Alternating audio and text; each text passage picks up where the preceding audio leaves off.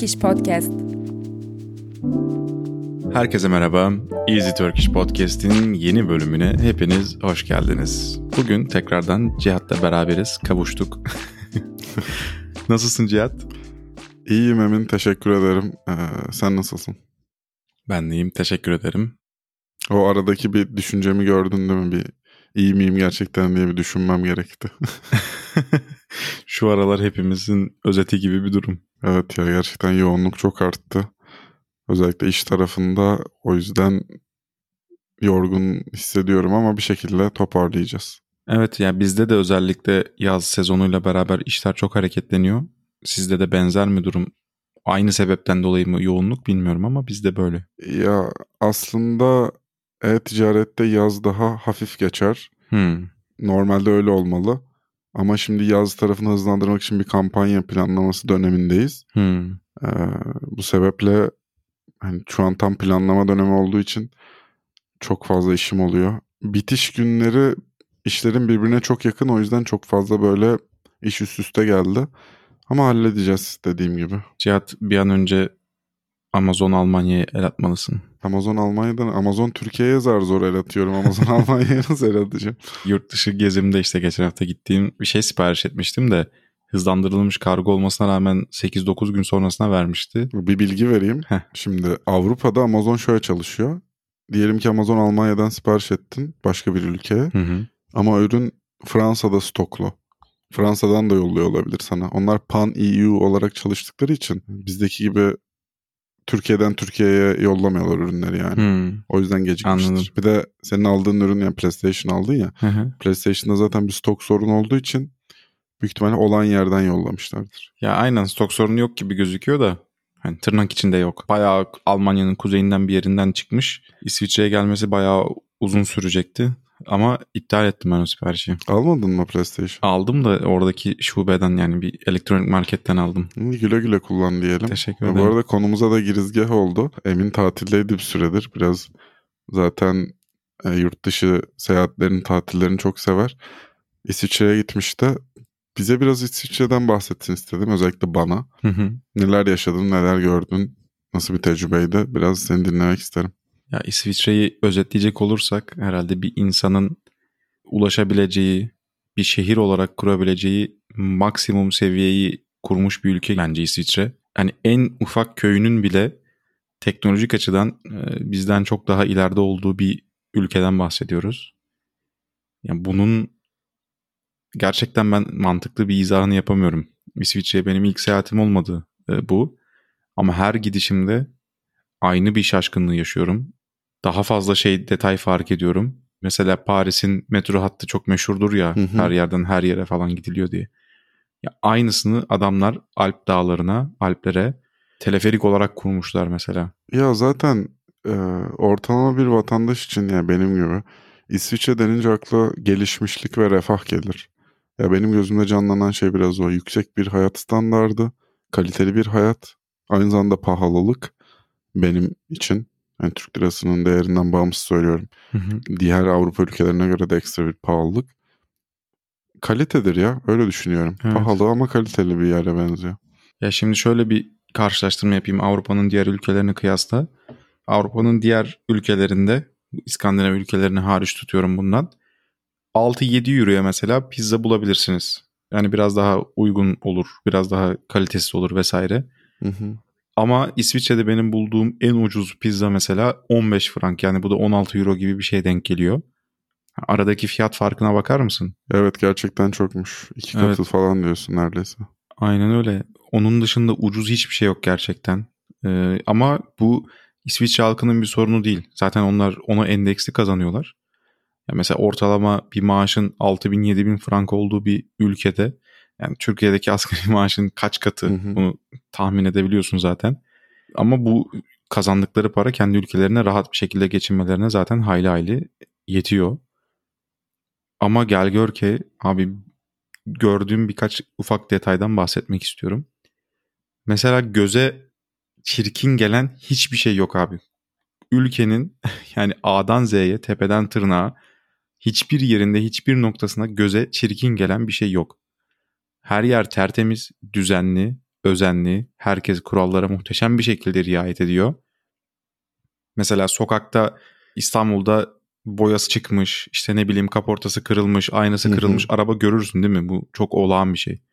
Ya mesela İsviçre'de ben bunu hala kaç kere gittim hiç görmedim. Ya ben mesela gördüğüm kadarıyla söyleyeyim Instagram'da veya YouTube'da veya dizilerde, filmlerde gerçekten çok böyle kurgu denecek kadar temiz ve düzgün gözüküyor her şey. Çimenler bile.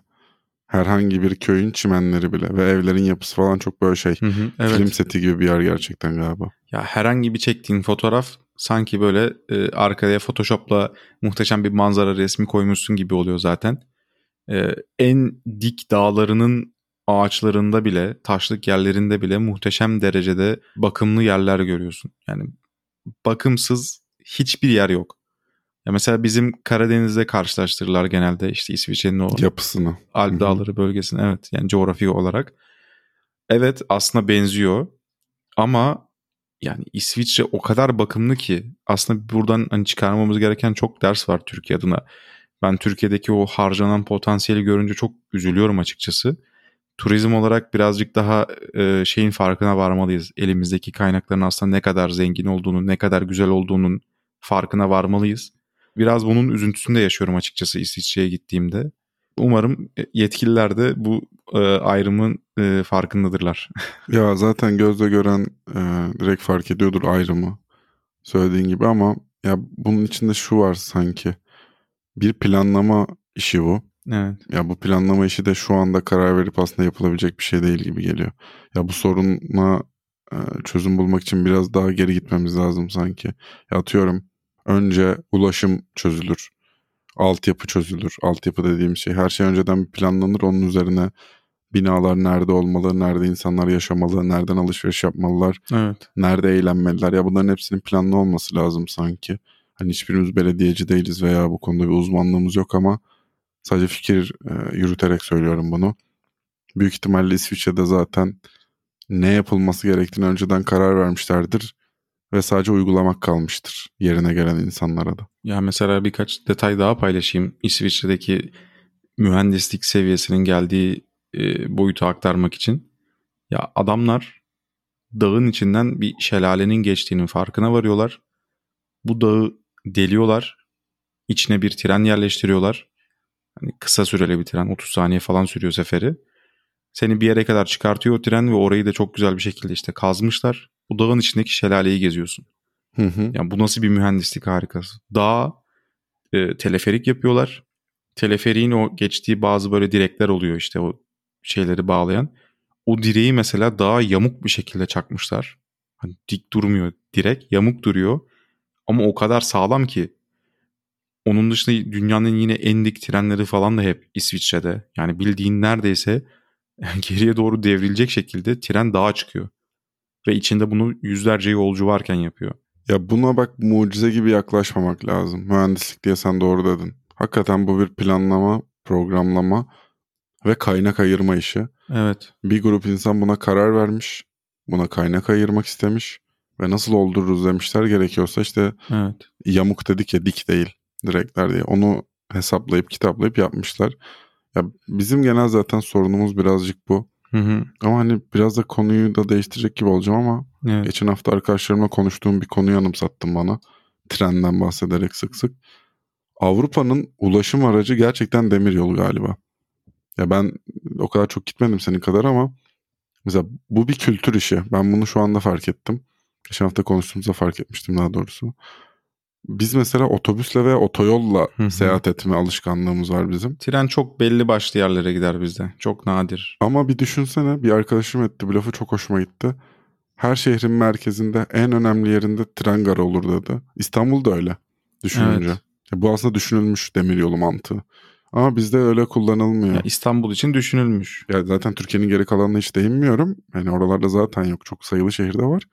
Avrupa'da ama gerçekten trenle seyahat ve demiryolu mantığı çok oturmuş ve o çok e, akla yatan bir ulaşım biçimi bence. Arabaya veya otobüse dayanmaktansa. Evet.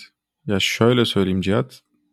Yani bu Avrupa'nın geneline de uygulanabilir ama yani aktarmayla da olsa ulaşamayacağın hiçbir köy yok. Ya bu ne demek ya? Hani düşünsene bir o demir ağı haritasını bir düşünsene. Hani özellikle İsviçre'de mesela bir köye ya bizim köye mesela özel araba hariç hiçbir şeyle ulaşamıyorsun. Yani otobüs falan bile gitmiyor neredeyse. Ya tabii canım diyorum ya o birazcık şey işi. İlk önce gidecek yollara karar verilir büyük ihtimalle. Hı hı. Nereye gidilmeli ya da nereye gidiliyor zaten diye. Hı hı. Sonra onu iyileştirme ve bir e, standarda oturtmaya dönmüş iş sanırım. Evet. Biraz hatta bunu araştırmaya karar verdim şu anda merak ettiğimden. Çünkü mesela Amerika'da da şöyle bir durum var Kuzey Amerika kıtasında da. Otoyollar üzerinden anlayabilirsin. E, ülkeler, ülkenin eyaletlerin nasıl bölündüğünü vesaire. Hı hı.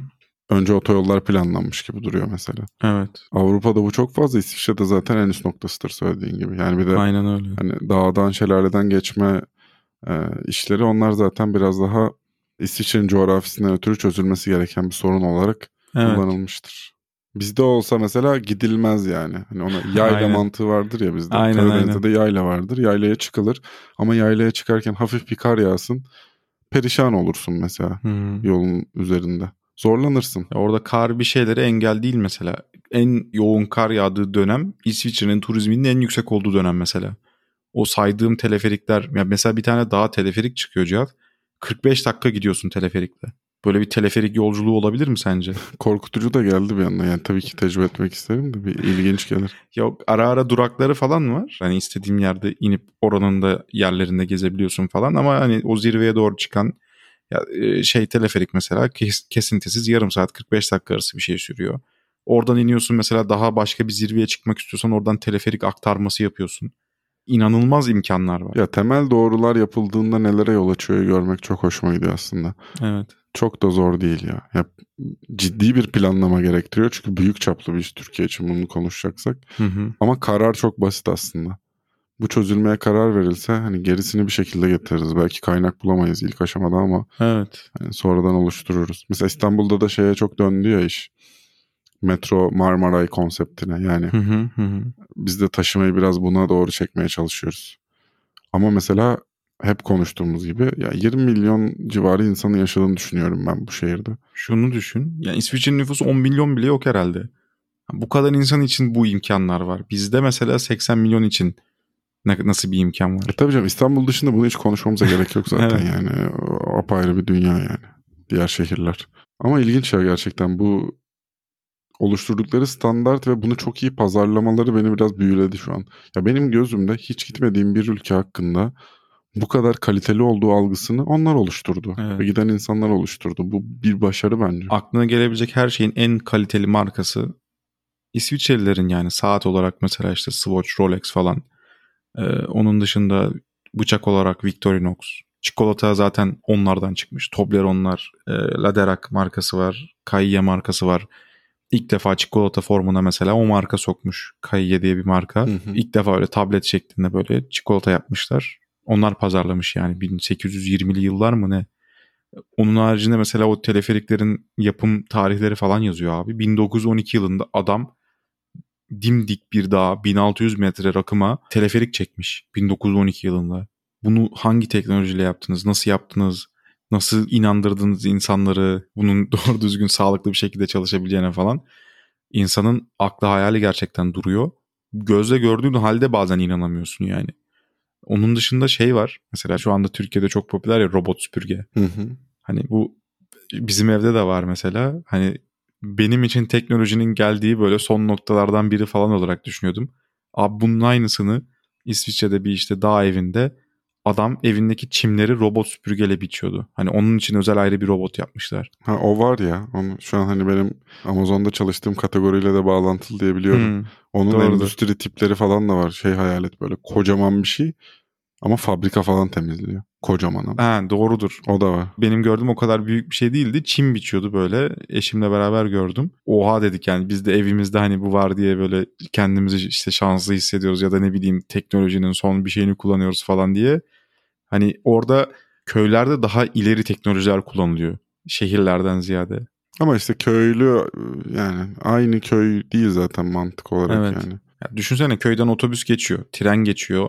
E İşte köyün böyle bir garı var ki içinde yok yok. Köye 3 tane 4 tane teleferik hattı çekilmiş.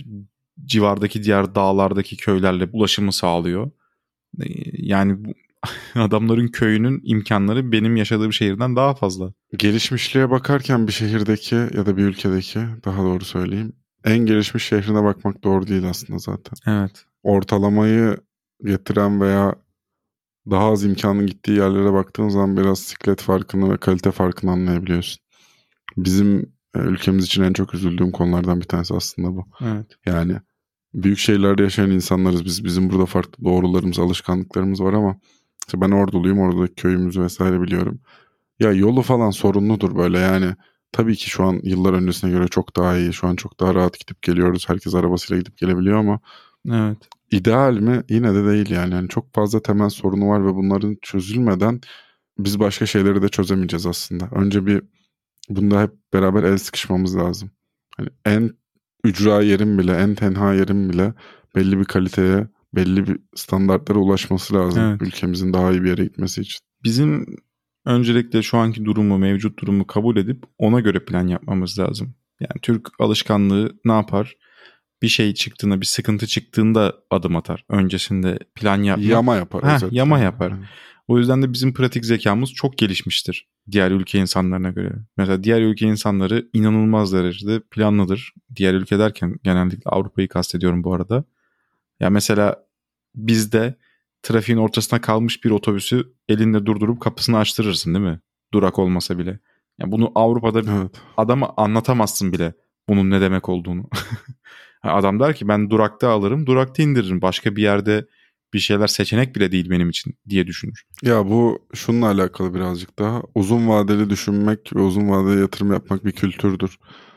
İyisi veya kötüsü yok bence bu işin. Bizim kültürümüz çok daha kısa vadeli. Yani kısa sürede kazanmak büyüktür uzun vadede kazanmak. Bence bir iş biraz buna dönmüş. Batı ile aramızdaki farkı biraz bunun üzerinden de ölçebiliyoruz bence. Sen söylediğin gibi biz yama yapmayı, anlık sorun çözmeyi daha çok seviyoruz. Çünkü o bize kısa vadede fayda sağlıyor. Ama aslında hep beraber anlaşsak, hep beraber tüm kurallara en kağıda yazılmış haliyle uysak bambaşka bir şey konuşacağız belki. Ya keşke olsa ya. Ben gerçekten ülkem adına bunu çok istiyorum. Hani bizde de aslında muhteşem derecede güzel kanunlar, bir şeyler var ama halk içerisinde bunun karşılığı bazen çok olmayabiliyor ya da devlet bunu denetleme konusunda biraz eksik kalabiliyor. Orada da insanımız yani ben de bu, buna dahilim. Ee, bazen bazı durumları kötüye kullanabiliyoruz işte. E öyle olunca da toplum olarak birazcık daha işte o gelişmişlik seviyesinden geride kalıyoruz. Yani evet ama standartlarımız sürekli değişiyor ya. Biraz Evet. bununla alakalı. Yani biz demokrasinin olduğu bir ülkeyiz. Ee, Yüzyıldır demokrasiyle yönetiliyoruz.